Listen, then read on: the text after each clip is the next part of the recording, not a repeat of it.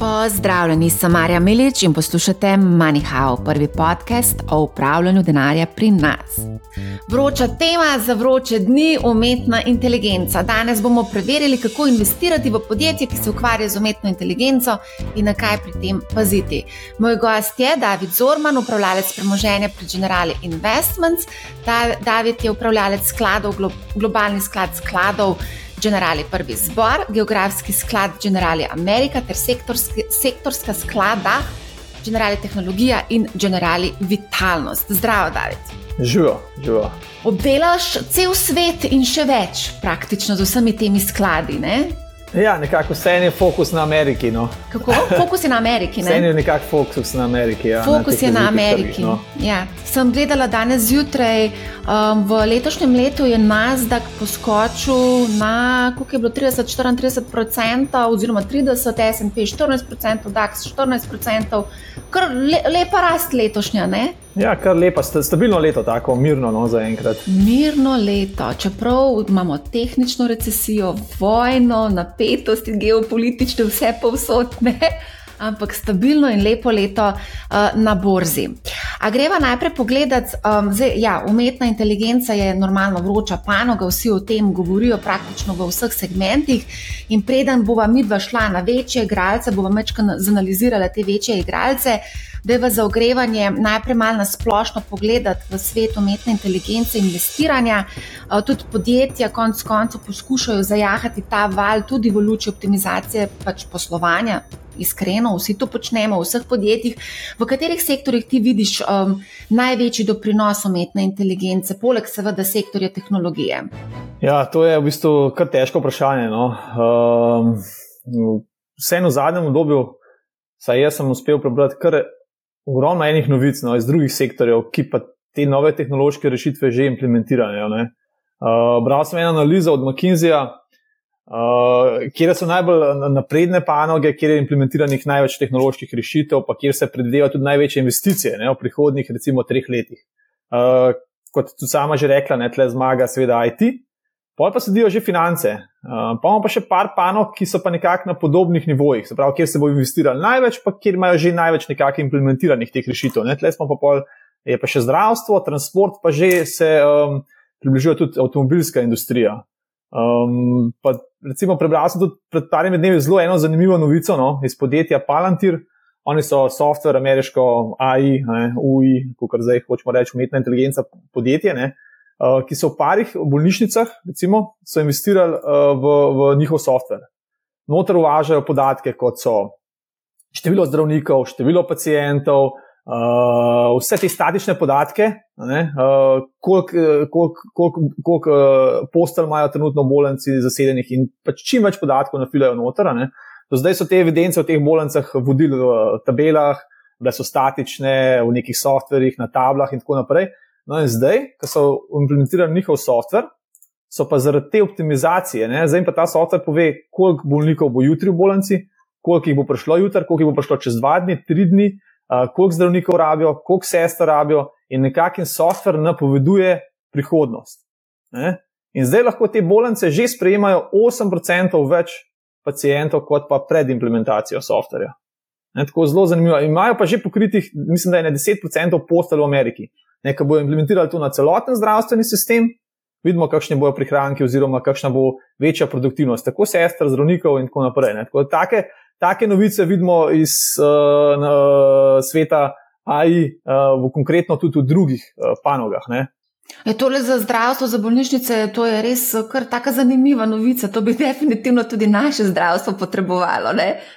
ja, sigurno, po mojem, kar vsa, ja, glede na razmere. Kar vsa, glede na to, da se v bistvu celotna populacija kar precej stara, sploh Evropa. Um, a gremo mogoče se dotakniti, ne, AI oziroma umetna inteligenca je pač vroča zgodba, to smo že parkrat povedala. Um, So bile tudi neke vroče zgodbe v preteklosti in so še vedno, recimo ESG. Ne? In na karkoli v bistvu prilepiš AI ali pa ESG, gre praktično recimo, zametno. Um, kako lahko ocenimo tveganja povezana z investiranjem v mlada, recimo mlada podjetja, pa nasplošno podjetje na področju umetne inteligence? Um, ja, tveganja, če gledamo recimo umembe, ne, kot si rekla, umembe uh, AI-ja v nekih kvartalnih rezultatih, a ne podjetij, ko objavljajo, ne, so bliže kar na koncu, zdaj so že skoraj vsak nekaj objavil, da je AI. Ne, uh, to je že malo nek nekako smešno. Ampak vsem se mi zdi, da teh v bistvu zmagovalcev oziroma trenutnih igralcev na tem področju je zelo malo. Uh, zdaj vsi si lahko dajo značko, smo tudi mi AI. Uh, ampak teh v bistvu prvih zmagovalcev je pa po mojem mnenju, jih lahko na eno roko preštejemo. Ne? Teh podjetij, ki so dejansko res nekaj, uh, bodo doprinesla neke, neke večje spremembe. Ne? Zdaj, vsi bojo pač njihove stvaritve lahko uporabljali, pa so lahko vsi AI. Uh, ampak eh, teh prav velikih zmagovalcev je pa po mojem mnenju, ne pet, ne, mogoče deset, no. ni jih spet tok. No. Vse jih bova potem na koncu tudi vse naštela, ker praktično vse te imajo praktično vsi skladi in ETF-ji tudi v svojih košaricah in pripričana sem, da tudi marsikater poslušalc. Ne. Um, ampak vsem, preden greva na to zgodbo, um, da je vam mogoče sam se še tega dotakniti, te, tega etične, etičnega vidika in skrb za zasebnost. To je tudi en tak velik problem, um, na katerega v bistvu opozarjajo konec koncev tudi sami ustvarjalci umetne inteligence. Evropa je tudi pred kratkim sprejela neko direktivo. Ne? Uh mhm. -huh.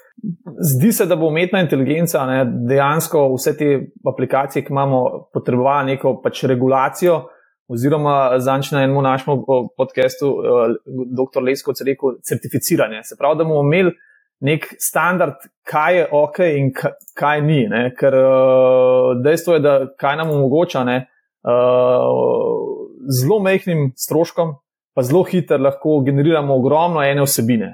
Ne? Kdaj pride to še toliko bolj do izraza ob kakšnih volitvah, ne? ko bojo recimo ameriške volitve, evropske volitve, ko bo lahko vsak, ki bo imel, ne vem, pet minut časa, zgeneriral ogromno enih lažnih uh, novic, ne, uh, novic, ki niso resnične, in bo, in bo svet nekako pripravljen, pripravljen s temi uh, lažnimi novicami. Ne. Že zdaj vidimo, zadnjič mislim, da je republikanska stranka s pomočjo umetne inteligence uh, naredila en glas, ki ga najdemo na YouTubu, uh, kaj se zgodi, če Biden še enkrat zmaga volitve. Uh, to so praktično naredili verjetno zelo hitro.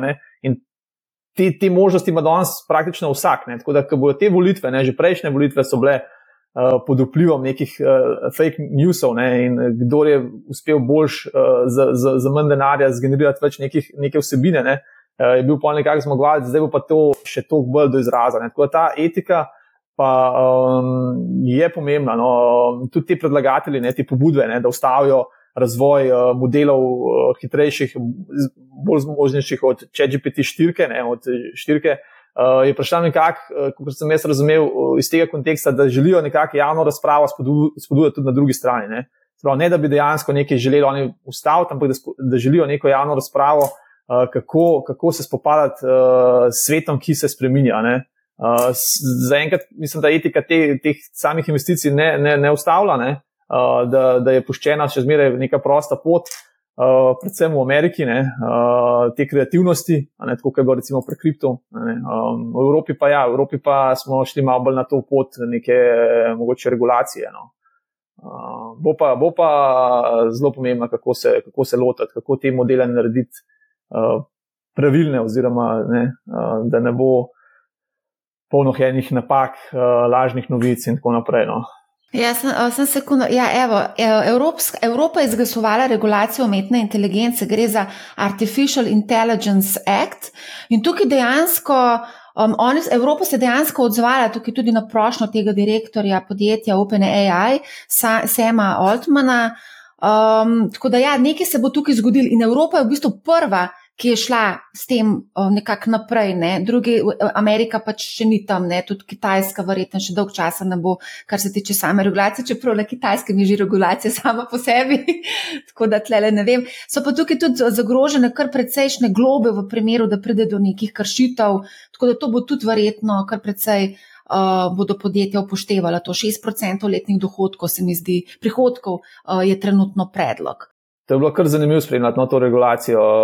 Um, prvi so bili članki uh, US Innovates, ne, EU Regulates. Ne, uh, uh, tudi Sam Altman je, ne, se pravi, direktor podjetja OpenAI, ki je v lasti Microsofta.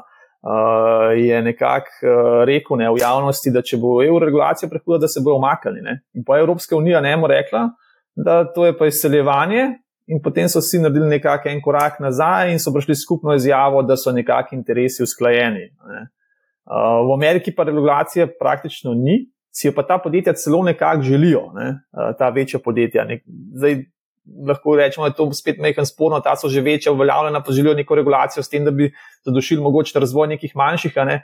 V Evropi pa samo reguliramo, pa sploh v bistvu nimamo nekih lastnih podjetij, ne reguliramo ameriška podjetja. Tako da je, je zgodba je vse en, kar um, smešna bo in bo zanimivo spremljati, kako se te regulacije bodo lotevale različne države. Ja, ja. Vse tudi na področju kripta je dosti podobna zgodba. tako da. Ja, tako kot nekako vedno že v zgodovini Amerike, v, v primerjavi, kaj dela z, z Evropo, no, oziroma kaj Evropa naredi, ko je neka tehnološka revolucija, ki, jo, ki, jo, ki smo jo vedno nekako v Evropi zamudili. No. Nismo bili prisotni v nobeni zadnji te večji zgodbi, no, se mi zdi. Ni nekih takih velikih tehnoloških gigantov, večina je v čezlužu v Ameriki. Ne? To verjetno tudi ti dobro veš, ko upravljaš sklad tehnologija. Koliko imaš evropskih podjetij v tem skladu? Ja, na eno roko jih lahko naštejemo, ne imamo ene, pa, ene par, ne pa še ta, ok, ASML je ne, naredil neko zgodbo, ostalo pa v bistvu je pa zelo, zelo, zelo slabo. No. In ta, ta pač v Evropi smo zamudili vse, vse te neke revolucije, pametnih telefonov, pač nismo, socialnih omrežij nismo, aj revolucija dejansko je zamujena. Uh, in kaj, se, kaj, kaj to pomeni? če pogledamo nek BDP, ne, skozi preteto kupne moči Amerika versus Evropa, vidimo, da se pač razlike pač povečujejo ne, na, na, na, na, na ta račun. Ameriško gospodarstvo, pač te podjetja, ki so jih uspeli ustvariti, ki jih ustvarjajo vedno znova, ne, je nekaj res nevrjetnega. Ne. Mislim, da v Evropi, kaj, katera večja podjetja smo pa ustvarjali z nične, praktično zelo malo. Tam pa vedno znova se uspejo uh, inovirati. Ja, kaj pa recimo Kitajska, tam so bili tudi kar, kar nekaj tega podjetja, predvsej inovativna, dokler ni prišla žametna roka oblasti in jih mal udarila po betic, po domač povedan. Tema je res, res aktualna. Ne? Se pravi, ta tehnološki preboj je res aktualen. Spet včeraj je bil en članek na Bloombergu, na prvi strani, ker so se njihovi največji strokovnjaki, se pravi, kitajski strokovnjaki z področja AI-ja, zbrali Uh, in so skupaj, v bistvu naslov članka, mislim, da je bil milijarderji in birokrati, nekaj v tem smislu se združujejo, da ujamejo ZDA. Ne? In v bistvu pravijo, da so nekako tri leta, trenutno za Ameriko, da pa ne bojo potrebovali tri leta, da nadoknadijo ta zaostanek. Uh, pa tudi, če gledamo, mislim, da je v Ameriki letos bilo tam 26 milijard evrov, uh, dolarjev investiranih v, v, to, v, v to panoge. V to panogo na kitajskem je bila ena številka, ena 4 milijarde, se pravi, absolutna številka je dosti majhna. Ampak po številu podjetij, ne, v Ameriki so letos uh, nekih podjetij, ki jih lahko damo v panogo AI, uh, jih je bilo vem, 450, na kitajskem jih je bilo pa dve tretjini. No, tako da njihov cilj in želja je, uh, in to je pač tudi nekako bilo v članku, da, da oblast to podpira, da partija to podpira, da želijo narediti neko inicijativo in ujeti uh, zaostanek. Ne, ker brez tega uh, dejansko ne boš konkurenčen in ne boš mogel uh, konkurirati na globalnem trgu. No. Tako da tudi vidimo, da, res, da je tema res aktualna, pomembna, um, da so se tam zbrali. Uh, je pa tam, ja, tam neko regulacijo, oziroma AI že imajo ne, pri samem nadzoru, zdaj kako ga bojo pa uporabljali pri, uh, pri rasti različnih podjetij, ne, različnih panog, bomo pa videli. No, ampak se, se zbirajo, um, tudi tam delajo se inicijative. Uh, in mislim, da bojo, da bojo tam kar zagrizali v, v, v, to temo. Ja, ta članek sem videla in sem ga dala tudi kolegici za prevest, eh, za Bloomberg Adrijo, eh, seveda zdaj naslova ne najdemo. Ne? Ja, billionaires and uh, bureaucrats are something. Ja, something, something. Oglana, a greva uh, naprej, uh, mogoče bi se en tukaj zdaj zelo veliko se govori tudi o sami dolgoročnosti, uh, kje bomo, kaj bomo. Um, zdaj smo mogli ravno raziskovali eno zgodbo in sicer leto 2050, zelo veliko je, se omenja AI v praktično vseh segmentih našega življenja. Kako vidimo, kaj, kakšno bo leto 2050 po tvojem mnenju, če upeljeva tudi AI v to zgodbo? Kar se dogaja, ne, zdaj človeštvu, ne, da nismo več nekako najpametnejši na, na Zemlji. Um, Smo pa še vedno najbolj kreativni. Ne? Čeprav tudi če GPT zna biti zelo, zelo kreativen. Nekako se nam je zgodilo, ne, v zadnjem, če rečemo v zadnjih stotih letih, mislim, da je izraz um, breme znanja. Sto let nazaj smo, rabili, smo pri 30 letih delali ljudje največje inovacije, zdaj v letu 2000 pri 40. Se pravi, znanja, ki ga, znanja, ki ga rabiš se naučiti, pridobiti uh, izkušenj, je vedno več. Ne? Se pravi, stvari so vedno bolj kompleksne in vedno kasneje nekako inoviramo. Ne? Zdaj smo pa dobili umetno inteligenco, ki pa tega, te omejitve v bistvu nima. Ne? Se pravi, ona uh, nima breme znanja, ona lahko noter daš vse znanje, kar obstaja in ne, ni tle nobene, nima nobene težave. Ne? Zdaj ljudje bomo začeli ta urodje uporabljati. Bo ta umetna inteligenca nam bo dala v neke stvari, ki jih mi ne bomo razumeli več, ker se jih ne bomo mogli naučiti, ker nimamo časa. Ne? Ljudje pač slejko prej zaenkrat še vedno umremo ne? in nimamo časa se vseh teh stvari naučiti, ker jih inteligenca, umetna inteligenca lahko v bistvu naredi uh, tako. Ne? In kako bomo se spopadali s tem, da bomo dobili neke um, produkte, neke v bistvu stvari iz umetne inteligence, pa jih ne bomo razumeli.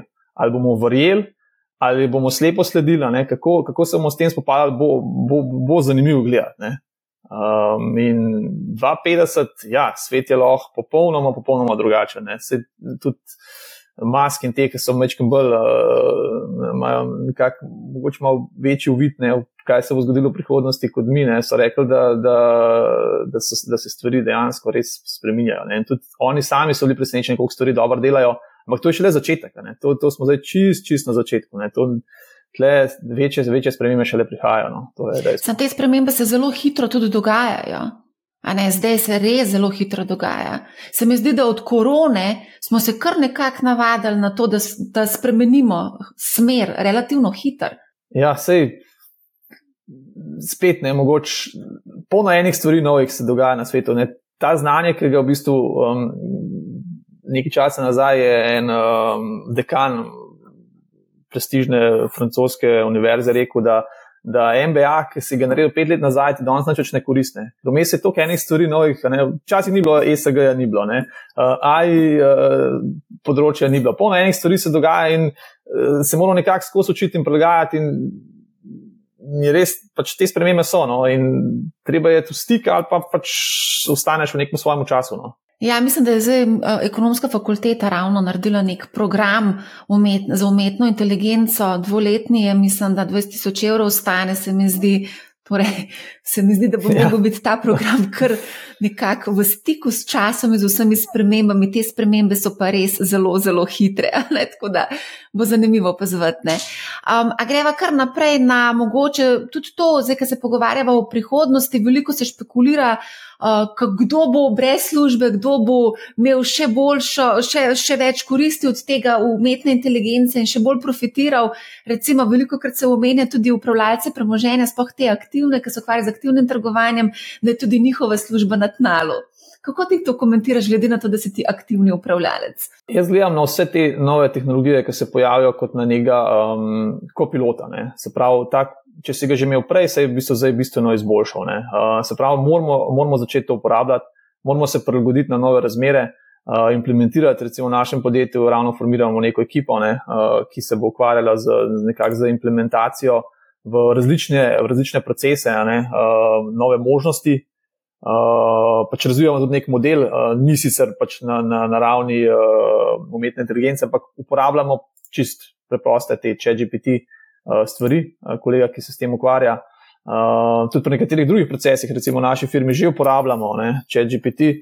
Uh, ne vem, sam ga uporabljam pri mogoče nekih bolj kompleksnih Excel funkcijah, pri implementaciji kakšnega makroja uh, v Excel. Ne, pet let nazaj, deset, si, nisem niti predstavljal, da se lahko spišem nek makro, ne, ki, ki, ki ti po, poenostavi oziroma avtomatizira neko, neko funkcijo.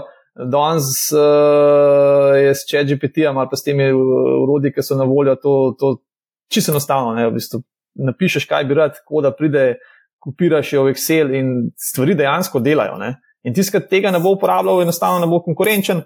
Uh, in bo izpadel iz trga. No. Tako da moramo začeti te stvari uporabljati vsi, čim, v čim večji meri, da bomo tudi kot firme, kot posamezniki, kot država uh, ostali konkurenčni v globalnem kontekstu. Ne? Svet je pač globalen. Ne? Če ne bojo prišli, ne vem, Indici, pa bodo naše storitve ponujali bistveno cenejše, lahko na nekaterih področjih. Zanimivo je tudi uh, vedeti, da, da so te naj, naj, najbolj uh, naj, službe, ki so v bistvu. Uh, dobro plačene, najbolj na udaru. Ne? Uh, po nekih analizah, tle so odvetniki, so pa, pa finančniki. Tako da zaenkrat pri upravljalcih premoženja še ni, ampak ja, pač moramo, moramo tudi mi začeti to uporabljati, pa pač uh, implementirati v naše procese. No. Ja, na, eni naši epizodi, ki smo jo snemali z Borisom Cergolom, pa za Lešen Zupančičem, smo prav pogledali, kako se staviti portfelj s pomočjo uh, chat GPT-ja. Tako da dobiš lahko zelo take, tudi v redu uh, na svete, uh, je pa to tako. Na, Vse je treba narediti, še malo domače naloge, zdaj samo temu verjeti, pač ne gre. Ne? Tako da vse je tukaj treba biti, vse malce previden. Uh, ker tudi čat GPT, kot sem že prej omenila, je precej kreativen. No? Ko nima odgovora, ja, se kar malo zmisli. Ja, ja, kar ja, malo se zmisli. Drugače pa jaz se strinjam to, da ti lahko pomaga pri Excelih, PowerPointih, kodo enostavno notor ugradiš oziroma upišeš in voilà. Čudežno nastane. In ja, to bo definitivno za tiste, ki bojo znali uporabljati konkurenčna prednost za, za, za njih. Uh, Ja, zanimivo. Se pravi, pri samem upravljanju premoženja ali tudi mogoče uporabljate chat GPT ali pa kakšno drugo urodje, recimo za analizo podjetja ali pa za vem, ocenjevanje smiselnosti investiranja v določeno zgodbo. Ja, mi uporabljamo dosta pač softverskih rešitev, ne? uh, Bloomberg pa uh, nek uh, Charles River, no? pač nek softver. Potem še vedno uporabljamo Excel, ampak ta Excel, če gledam kakšnega smo imeli pet ali pa deset let nazaj, danes je to veliko bolj kompleksno, pa predvsem bolj avtomatizirano. To je danes stvari med temi programi, ne, ki jih imamo tudi pri, recimo, pri ESG-ju, pri implementaciji ESG, dejansko stvari so, oziroma grejo na pot, da bojo avtomatizirane. Ne. Se pravi, če smo včasih nekaj delali eno uro, je zdaj to instant, ne, ni, ni sploh potreba nekaj čakati, ampak uh, stvari delajo. Ne. Tako da urodi, ki so na voljo, pa ki prihajajo, pa ki nam bojo še olajšali neke procese. Ja, Pravno premoženje, če gledam 5-10 let nazaj, se je konkretno pač spremenilo, samo ta tehnični vidik uh, dela. Uh, zdaj, same ideje pa to pridejo z nekimi izkušnjami, ne, uh, ki jih imaš. Eh, pa jih uspeš generirati, zdaj, um, ampak sam ta tehnični del je pa se pa kar, se pa kar veliko dogaja. Se pravi, ko si rekel same ideje, se pravi, še vedno moraš aktiven biti, se pravi, iskati priložnosti, a ne zato, da dobiš sploh tudi samo idejo in potem, da jo lahko noter vključiš v neko zgodbo, v nek portfelj. Ne? Brez, mislim, to ti nobeno orodje. Mislim, lahko ti da tudi kakšno orodje, no? če nastaviš določene spremenljivke. Ja, Ja, Moš vedeti, kako svet laufa, kaj se dogaja, ne, približno, uh, vse pol, uh, kje smo, ne, kje, kaj je trenutno v bistvu pomembno na trgu. Ne, uh, pa pa za samo implementacijo teh v bistvu, idej, za analizo, ne, ti pa lahko te stvari pomagajo. Ne. Ampak da pa nekako veš, kje smo, ne, kaj je trenutno na trgu aktualno, kaj se bo dogajalo, kakšen bo trg približno letos, ne, to se pa z nekimi izkušnjami uh, naučiš. Pa nekako pol vidiš, ne, kakšno leto bo je nekako pred nami, no, približno. Lahko oceniš. Ali zdaj z uporabo vse te umetne inteligence in raznih teh rešitev lažje napovemo medvedje trende ali pa mogoče potencijalne malce večje dipe oziroma upade na borzi, kot smo pred leti? Uh, ja, te največji upadi so itak neprečakovani, ne, kot je bila vojna, pa COVID, pa, okay, pa še kakšne druge krize. Ne. Uh, tako da, ne vem, mi, mi pri nas teh modelov nimamo, ne, mogoče uh, imajo kakšni drugi, uh, ki lahko filajo več podatkov. Ne. Ampak ja, nekako vsi, vsi umetna inteligenca gre v to smer, da nafilaš čim več podatkov noter, statičnih, zgodovinskih in ti zna nekako prihodnost uh, tudi napovedati. Ne. Um, recimo ta Kumo AI, ki je Jure Lesko odzraven, oni delajo, nafilaš noter čim več podatkov in ti zna nekako povedati, koliko boš čez en mesec prodal, koliko ljudi rabaš imeti takrat zaposlenih, koliko zaloge rabaš imeti in tako naprej. Ne. Tako da grejo, grejo v to smer, da, da znajo veliko boljš napovedati ne, prihodnost kot mi. Tako da v tem kontekstu, če bi zdal neke cene delnic ali pa neke notara ne, v modele, pa če bi bil dober model, bi znal tudi mogoče napovedati, ne, kakšna je nekakva verjetnost za padec v vem, naslednjih treh mesecih. No. A to upošteva tudi aktualne makroekonomske in druge kazalnike, um, gospodarske kazalnike, upoštevajo pri, pri, pri teh kalkulacijah? Ja, za vse te modele, kot jaz razumem, je dobro, da čim več različnih podatkov notno filaš. Ne. Čim več, boljše. Ne. Tako da ja, lahko noter daš tudi. Zdaj, če dogledava samo, kako se napoveduje gospodarska rast, ne, to je dosti tako, recimo, arhajični način, pa tudi z precej velikim zamihom, zamikom prihajajo, potem se pa delajo uh, revalvacije in potem nove napovedi. Tako da veliko je tudi te zgodovine, veliko stvari bazira na pač neki zgodovini. Ne, tako da ja. V redu. Um, okay, um, ali obstaja kakšen segment v tej AI norišnici, konc koncev tudi ESG norišnici, ki je zdaj spregledan, pa bi bil potencialno lahko zanimiv? Pa da se nihče trenutno tok ne ukvarja s tem, ampak da bi lahko bil vem, novi AI ali pa novi ESG.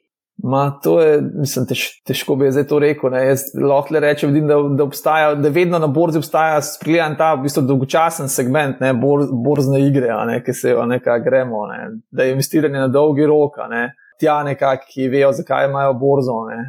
Vmes uh, pa pač, ja, v medijih so vedno te vroče zgodbe. Ne. Vsako leto imamo eno, dve.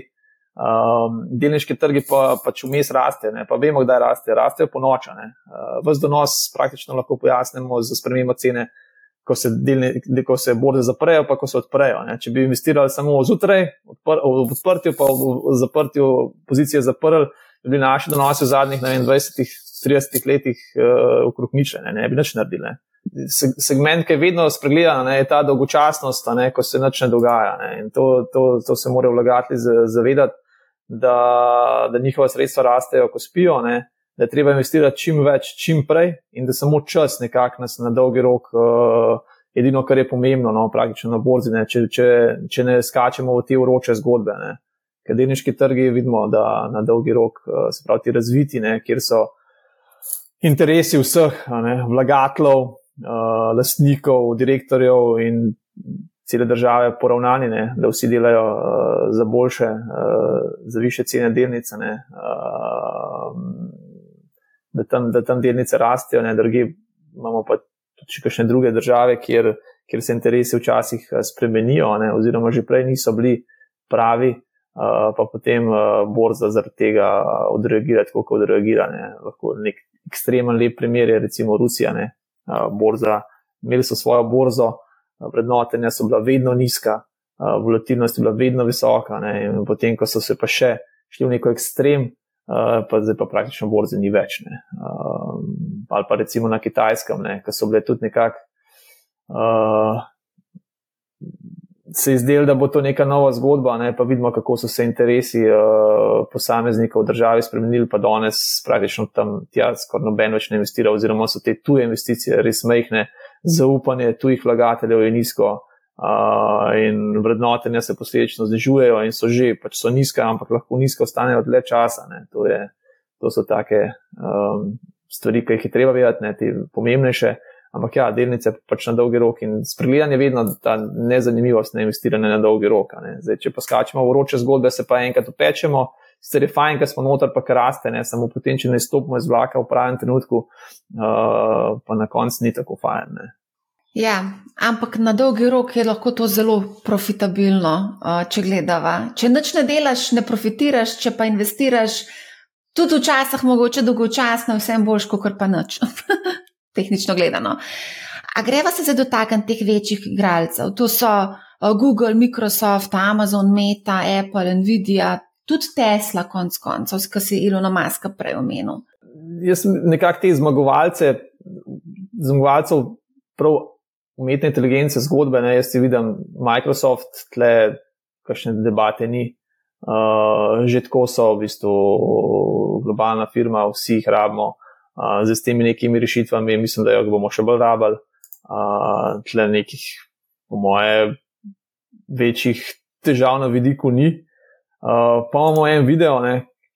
Ja, en video je res podjetje, ki je naredilo ta pač, prvi tehnološki preboj. Uh, uh, so zmagovalci, ne, tako kot so bili v, recimo, v kjerkoli zlati mrdici, tisti, ki so lopate prodali, ki so največ zaslužili. Ne. Oni imajo imajo tehnološke rešitve, ki jih bomo vsi rabili. Uh, njihovi čipi so toliko boljši, toliko bolj zmogljivi, pa porabijo toliko manj energije, da se jih praktično splača vsem zamenjati, ne, ki bojo rabili uh, zmogljivejše računalnike. Um, njihov CEO je na konferenci v Tajvanu rekel, da bojo vsa večja podjetja potrebovala neko AI factory, se pravi znotraj, ali pa da bojo v cloudu. Uh, njihova proizvodnja je ja, za letošnje leto razprodana, verjetno tudi za naslednje leto. Eh, vrednotenje je pa visoko, ne? ampak kaj se lahko zgodi, ne? lahko pač dejansko rezultati ujamejo to vrednotenje čez par let, ampak uh, ja, ta glavni, glavni premik je pa sigurno zamujen. Um, in vidijo, mi še, še vedno držimo, ampak ne verjamemo, da bo cena delnice še naprej vis, visoko rasla. Ne? Lahko pa pač, glede na to, da, da ta hype še vedno je, da se še vedno investira, še nekaj pridobi v naslednjih letih. Pa imamo tukaj Adobe, Uh, sam bi te vseeno ustavila, zdaj, ko govoriš o Nvidiji, ki si rekel, da, vrednoten, pač, da je precenjena delnica, da jo držite. Na kateri točki pa ti potem prodaš delnico, glede na to, da je že kar precej zrasla? Smo, da ne boste zamudili vlak, pa se je zgodilo kakšen upad. Ja, mi smo v bistvu že prodali en del, imeli smo jo pač skoraj maksimalno, kar smo jo nekako lahko imeli v skladu, no, glede na te umitve, ki jih ima sklad. Um, smo že nekako zmanjšali, zdaj imamo manj kot je v benchmarku, imeli smo jo pač več. Tako da, zdaj, da bi vse prodali, tak, zdaj ne, kot sam, kot sklad, tako ne moramo reči čisto denarju, ne, tako da ne moramo niti prodati vse, ne, um, lahko jo malo zamenjamo. Um, ne vem, se mi zdi, da bo še en ta hype oziroma še majhen zgodba jesen ponovno zaživela, ne, ko bo ti rezultati, ki jih bojo, ko jih bojo imeli v podjetju, po mojem, bojo res dobri, no, um, da, da še ni čist konc zgodbe. No. Je pa to, ja, je pa, je pa ja, vrednotenja so pa, pač kar visoka, ne? ampak tudi če gledamo vrednotenje Tesla, ki je naredila nek tehnološki spet uh, preboj, so bila bistveno višja. Ne? Tudi Apple, ok, mogoče takrat ni bil njih tako okolje, da je bila to lahko recimo vrednotenja visoka, ampak Apple je bil deset let nazaj bistveno više vrednote, ne? pa vemo, kaj je cena delnice po tem naredila v zadnjih desetih letih. Zdaj, mar se do se to če pogleda, da je zamudil ta vlak, ampak še zmeraj, kot si rekel, da obstaja nek, mo, neka možnost za nadaljno rast, ne, bo mar se do na tej točki špekuliral, kaj pa če grem jaz v to zgodbo zdaj, pa poberem tistih, ne vem, 50%, koliko bo še pridobila ali pa še celo kaj več. Ja, zdaj ne bi mogoče čisto konkretno imenih, ampak meni se zdijo neka, nekatera podjetja, ne, sploh celotna ta AI zgodba ima vse aspekte, da, da kakšno podjetje, ki zdaj mogoče še malo manjše, postaje nek. Uh, neko največje podjetje čez deset let ne, na svetu. Katero, katero podjetje so največje na svetu, se vsakih deset let nekako ali pa petnajst let spreminja. Ne. In uh, AI firme imajo možnost skalabilnosti, uh, hitro rastejo, uh, nekako vsi jih rabijo, lahko se širijo druge panoge, tako da imajo vse te aspekte, ki jih rabi neko podjetje, da postane eno izmed največjih na svetu. Ne. Se pravi, Nvidia je že tisoč bilijonov, ne tisoč milijard, en, mislim, en bilijon, tisoč milijard.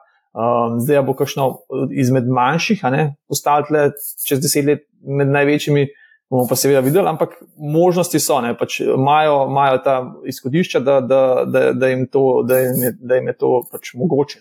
Zdaj, mar se kdo špekulira na te točke, da bi mogoče stavil na Nvidijo, kljub temu, da je že ful pridobila, ampak obstaja še vedno neko upanje, da bo še ekstra pridobila.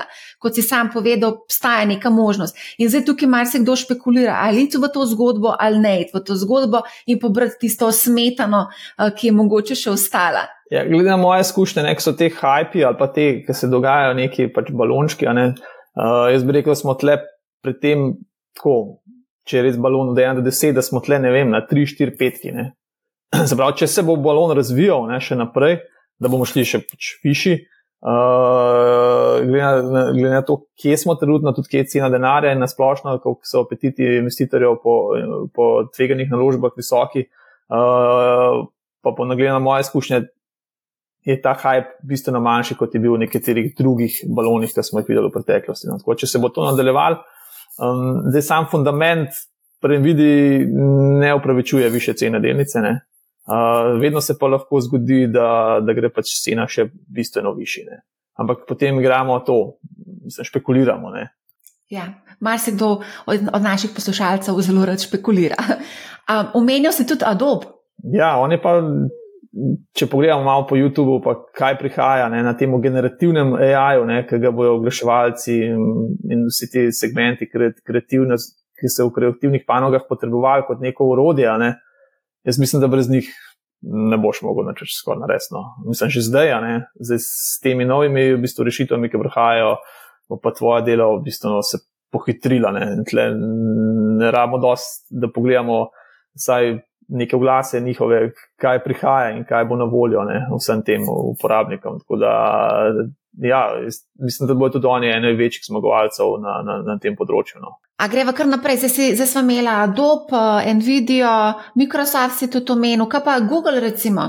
Ja, Google je pa v prvi fazi očitno eden iz večjih, večjih poražencev, tako se je tudi cena delnice obnašala. Ne, uh, Ker naenkrat so vsi ustrašili, da Google ne bomo rabili več. Ne. Um, ampak tle se zdi, da, da imajo tudi oni nekako te svoje modele, ki še prihajajo ven. Um, tako da, ampak ja, Google je mogoče vse en večkrat bolj pod vprašanjem, kaj se bo z njimi dogajalo v prihodnosti. No. Um, bi bil jaz večkrat bolj previden. No. Um, ni, ni še čisto jasno, ali bojo uspeli um, zajahati ta tehnološki val, mislim, sigurno ga lahko. Ne. Um, lahko pa se tudi ne, kakšno večje podjetje uh, krene na drugo pot. No. Zdaj, zaenkrat so nekako obrnili zgodbo, da so tudi oni prisotni v, v tej tehnološki revoluciji, ampak uh, bomo še videli. No. Uh, um, jury still out. Lahko bi izpostavljal recimo kakšen Apple. Apple je tudi v bistvu se kar zelo diverzificiral na vsa možna področja. Povsod so zraven, od avtomobilov, oziroma zdaj ne vem točno, kaj delajo, nek mobility, do AI-ja, do VR-ja, do Nidanino. ja, Apple je pa v zadnjih petih letih zgeneriral, mislim, da 400 milijard dolarjev prostega denarnega toka, tako da tok jim ustaja, ne, uh, ekstremno številke. Ne, in v bistvu samo to ti pripelje tudi potem ceno delnice. Pa tržna kapitalizacija na te nivoje 3000 milijard, ja, mislim, da je nekaj manj. Uh, ne, ker na dolgi rok delnice raste, zato ker povečujejo prihodke ne, v neki stabilni marži in potem nek denar ostaja. In če prihodki rastejo, ne, se vemo, delnice rastejo v bistvu samo zato, ker če uspe podjetje povečati prihodke uh, s stabilno maržo in uh, s prostim denarnim tokom. In Apple je tle, um, pač ne popuščajo. Uh, selijo, pač odpirajo še Indijo, ne, uh, tako da neka rast je še vedno prisotna, je pa pač nek monopol, konkurence praktično nimajo, uh, Uh, zdaj, vrednotenje mogoče trenutno mečem visoko, ampak uh, še vedno generirajo ta, ta res enormen denarni tok, ki ga vračajo delničarjem uh, v obliki odkupa lastnih delnic. Ne. Če pogledate graf, koliko delnic je imel Apple pet let nazaj, deset, pa koliko jih ima danes, vidimo, da jih kar, kar nekako zmanjkuje. Ne. Uh, in če bo to uspelo še naprej delati, uh, bojo pač ostali največji, uh, tudi čez pet let.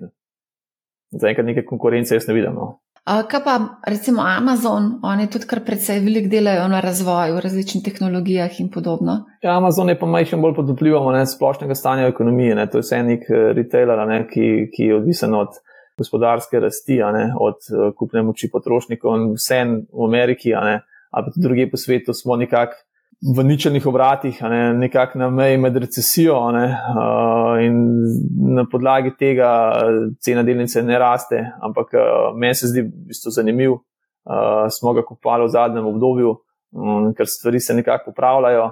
Sploh pa tudi, če oni, če uspejo neke te tehnološke rešitve implementirati, ker mislim, da jih bojo lahko povečali na ta račun maržo, ne, produktivnost.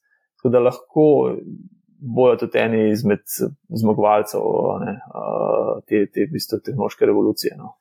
A sem videl, mogoče še nekaj še pozabila, a mogoče bi še metal, a meta bi lahko to omenila, meti se veliko govori, zdaj spet, spet je prišel nazaj, metaverzum, ne. Spet se govori veliko o tem, čeprav se je že malo pozabil na to. Ne? Tako da meta je zanimiva. Meta, ne vem, v tem, aj, kaj pa vem. No, meni se zdi mogoče zanimivo v kontekstu, da oni tudi generirajo ogromno denarnega toka, ne zmetali so meta vrst 30 milijard, potem so pipce ustavili, uh, oglaševanje na Facebooku, Instagramu še vedno laufa naprej. Tako da jaz mislim, da bo, da bo bolj na podlagi tega, ne, da so zrezali stroške, pa da so šli mečkan uh, nazaj v core business da jih to rešuje in da bo rezultati dobre. Dobri. Eh, mogoče smo pozabili, no, jaz bi svetoval vsem, da pogledajo ta podjetje Palantir. To je v bistvu čisto software, software podjetje, ne, ni, ni nič, nima nič hardvera. Um, če, če pogledate na YouTubu, ne, par kakšnih, uh, kakšnih konferenc njihovega CEO-a, On, njihov, njihov softver v bistvu dirigira vojno v Ukrajini. Uh, se pravi, pri vojni, pač te veliki modeli, uh, tam je še zelo pomembno, da damo vse te spremenljivke v nek program in da se potem on odloči, v katerem trenutku, katero raketo, na katero mesto, uh, kje se premikati. Ne, je, in ja, njihov program dirigira vojno v Ukrajini. Ne, se pravi, se odloči, kdaj, uh, kakšno raketo, katere premike naresne.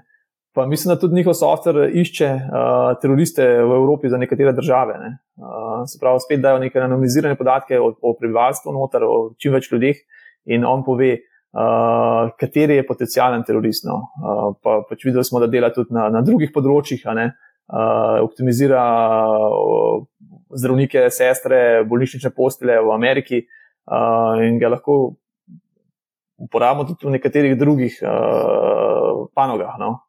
Je, je, je zanimivo podjetje, sicer valuacija je kar visoka, ampak uh, če bojo uspela uh, zajahati res ta val, uh, je tu pač ima vse možnosti, da postane eno uh, iz večjih podjetij. Zdaj smo obdelali tole košarico teh delnic, pravi Google, Microsoft, Amazon, Meta, Apple, Nvidia, Tesla, Palantir, uh, Adobe. Um, a je mogoče še kakšna taka zanimiva delnica, o kateri danes nismo še govorili, z vidika umetne inteligence? Ja, pa je še malo teh proizvajalcev čipov, no, kakšnih manjših, ki v bistvu dobavljajo podizvajalce, dobavitelji za en video in tako naprej. Ampak tam so bila tudi te premiki, so bili že doseženi. Ne. Zdaj obstajajo tudi liste, ne, tudi mi gledamo manjša podjetja, ne, um, kjer, katera bo uspela. No. Uh, bomo videli, no, treba, treba je vse en mečkant le, zdaj ta hype pre, prebrodata. Ne. Uh, pa bomo videli, katera bo potem res uspela neka, neke podjetje, nek traction dobiti, neke nove posle. Tudi jaz, ki še drugih niti ne vidim, trenutno. No. Uh, sigurno so pa zunaj tam, ne, treba jih je pa samo najti. ja, treba jih je najti. Lahko pa investiraš v neke sklade, ki investirajo v, v AI. To je pa tudi za en velik hit. Ne. A si mogoče opazil to? Ja, te, te tematske skladi so vedno no. zunaj.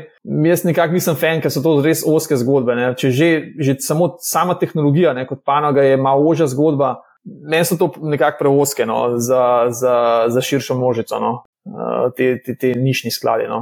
Mi kdaj se kakšnega poslužimo, ampak za, za širšo množico, za, za splošnega vlagatelja, za nešpekulanta se mi zdi to prevoska zgodba, vseeno. Vsekakor pa je treba biti previden, ko investiraš, ker to so tudi dosti majhni skladi, ti nišni skladi, tudi ne veš, kdaj je kakšen sklad, tako je te fugasne. V glavnem pa imaš lahko cel kupenih pro problemov. No? O tem smo tudi že na manjih av govorili.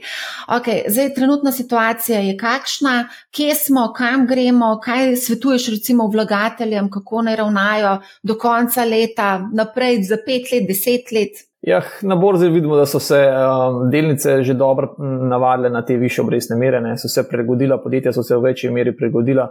Uh, mogoče kakšni sektori ali pa ne vem, nepremičninski sektor, ki ima večkrat daljši rok tega prilagajanja na više obrestne mere, ter neke težave lahko še pričakujemo. Uh, obrestne mere so nekako dosegle ta vrh, uh, oziroma nekaj dodatnih višjih višanj ne pričakujemo. Ne. Um, zdaj samo vprašanje, koliko časa bodo tle, ki so ne, obrestne mere. Ne. Uh, jaz bi vsem si želel, da, da bo pač ta kredibilnost centralnih bank in pač politika centralnih bank ustala, uh, da bodo te obrestne mere uh, pač pozitivne, ne, da ne gremo spet v te nek, nek, neke nižanje blazno, ne, ker potem uh, spet vse leti naokrog, ne, niti ne veš, kaj je. Tako da se mi zdi, da, da bo letos, da zdaj čez poletje se bo delniški trgi mečken umiril, uh, rast je bila lepa, kot so že omenila. Um, da naprej pa sem zmeren optimist. No. Uh, ta tehnološka revolucija, ki je pred nami, bo marža v bistvu bi mogla zvišati. Ne. Tako da vrednotenje pa že sama, če odšteješ te neke uh, podjetja, ki so res visoka vrednotenja, saj na ameriških trgih, po mojem mnenju, niso visoka. Uh, tudi ta nek small cap, manjša podjetja ameriška so ok vrednotenja. Tako da zdaj lahko rečemo, da čez poletje se kaj dosti ne bo dogajalo, uh, ampak ja, priložnosti za investiranje vedno so. Uh, delniški trgi pa če rastejo, vemo, z gotovostjo vemo, da rastejo samo na dolgi rok. Ne. Zdaj, kaj bo čez 3, 4, 5, 6 mesecev, je, je težko oceniti.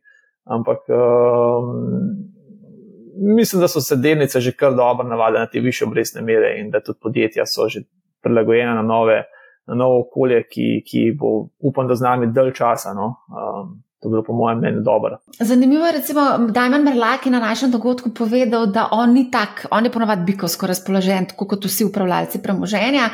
Tokrat je bil pa malce zadržan in je rekel, da on vid medveda do konca leta. A je z teh tečajev. No? Mislim, letos se je, medveda so vsi videli na, na začetku leta, ne? se pravi, recesija je bila, pa še naprej višanje obrestnih mer in tako naprej, pa se je zgodila malo ta revolucija. Ne? Pa so v bistvu SP brez teh podjetij, ne brez AI podjetij, je praktično na nuli. Tako da to je nekako dal trgu nekaj. Ne? Zdaj, ja, letos jaz vidim tako neko prehodno leto še naprej. No? Mislim, moj, moj, moj položaj na začetku leta je bil, da, da smo v nekem uh, sideways trgu, uh, v, v prilagajanju višjim obrestnim meram. Uh, da kakšne blazne rasti ne moramo biti deležni, lahko je pa leto boljše kot lani. No. Um, zdaj, ko smo pač to neko raz že doživeli, jaz pričakujem umiranje čez poletje, majhen bolj uh, sideways trg, kakšnih večjih pacov pa bi pa jaz rekel zelo težko. No, uh, Jih pa nekako ne vidim, no? da bi bili večji popravki, spravo 20% medvedji trg, recimo, da gremo ne? iz, iz teh nivojev. Mislim, da smo bolj na sideways, pa nek ta model through, kako bi rekel, uh, uh, še do konca leta, pa tudi če mogoče na začetku naslednjega leta. No. Okay, Dega je vas še en scenarij preigrati, se pravi, da ima 10 tisoč evrov. Kam z denarjem, pa če se mogoče lahko fokusira regija, panoga za obdobje petih let, pa recimo poprečna starost poslušalcev manjih, hajo tam okrog 35 let. Jeh, jaz vsakmu svetujem pač nekaj globalno razpršeno zgodbo, um, da proba pač tudi vmes, da ne investira samo zdaj, ne, da proba ta znesek potem s časom še povečevati. Uh, sam osebno se mi zdi, da so, kot sem omenil, že ne te interesi, uh, da vejo, zakaj delnice obstaja, pa borza obstaja, da je to v bistvu nekako uh, samo v Ameriki. Um, ok, lahko se pogovarjamo, bo Amerika ostala ji bo ostal ta nek primat v tem globalnem borznem kontekstu oziroma na borznem parketu, ampak to je bolj kompleksna zgodba. Um, tehnologija se vedno mi zdi zanimiva, ne? tudi zdravstvo se mi zdi vedno zanimivo, uh, so neke panoge. Drugač pa ta splošen, splošen delniški trg, uh, Amerika, tudi mogoče globalno, neka globalna zgodba.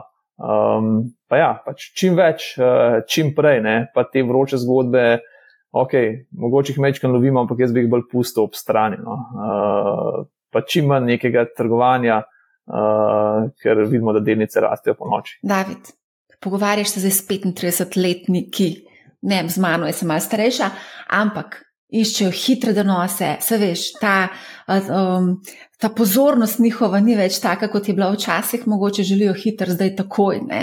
Tako da, ko oni slišijo 7, 8, 9% donosnost na letni ravni, se marsikateri reče, da bi povsem mal začinil to zgodbo.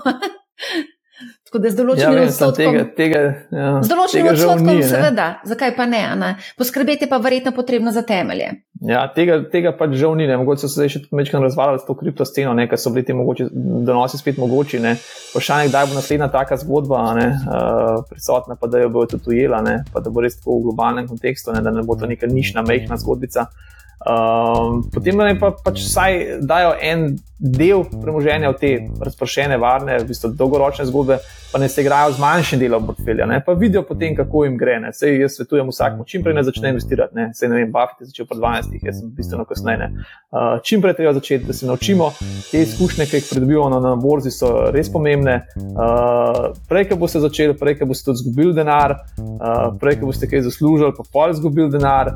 Uh, to, je, to so neprecenljive izkušnje. Ne? Samo tako, jaz mislim, da lahko, ne? zelo težko je uh, tega ne delati, pa samo ratati, pa da skozi samo raste. Tudi, pa, če že hočete špekulirati, dajte z enim delom, pa en del vse en nalagajte v neke te razpršene globalne uh, zgodbe. Pa čez par let lahko pogledate, kaj ste sami naredili, kaj je tam naredili, pa če ti bo še vedno nekako vstal, tudi če tam ne bo. Ja, se tako je, nimaš kaj ne. Um, ja, hnač, David, najlepša hvala, da si bil gost Manihau. Upam, da niso bila vprašanja pretežka, seveda niso bila. Z rokava si jih stresel. Tako da, najlepša hvala. Ja, hvala, z veseljem, še kdaj. Najlepša hvala, hvala tudi vsem gledalcem in poslušalcem, ki ste bili danes z nami. Poslušajte Manihau, ne bo vam žal in lep pozdrav.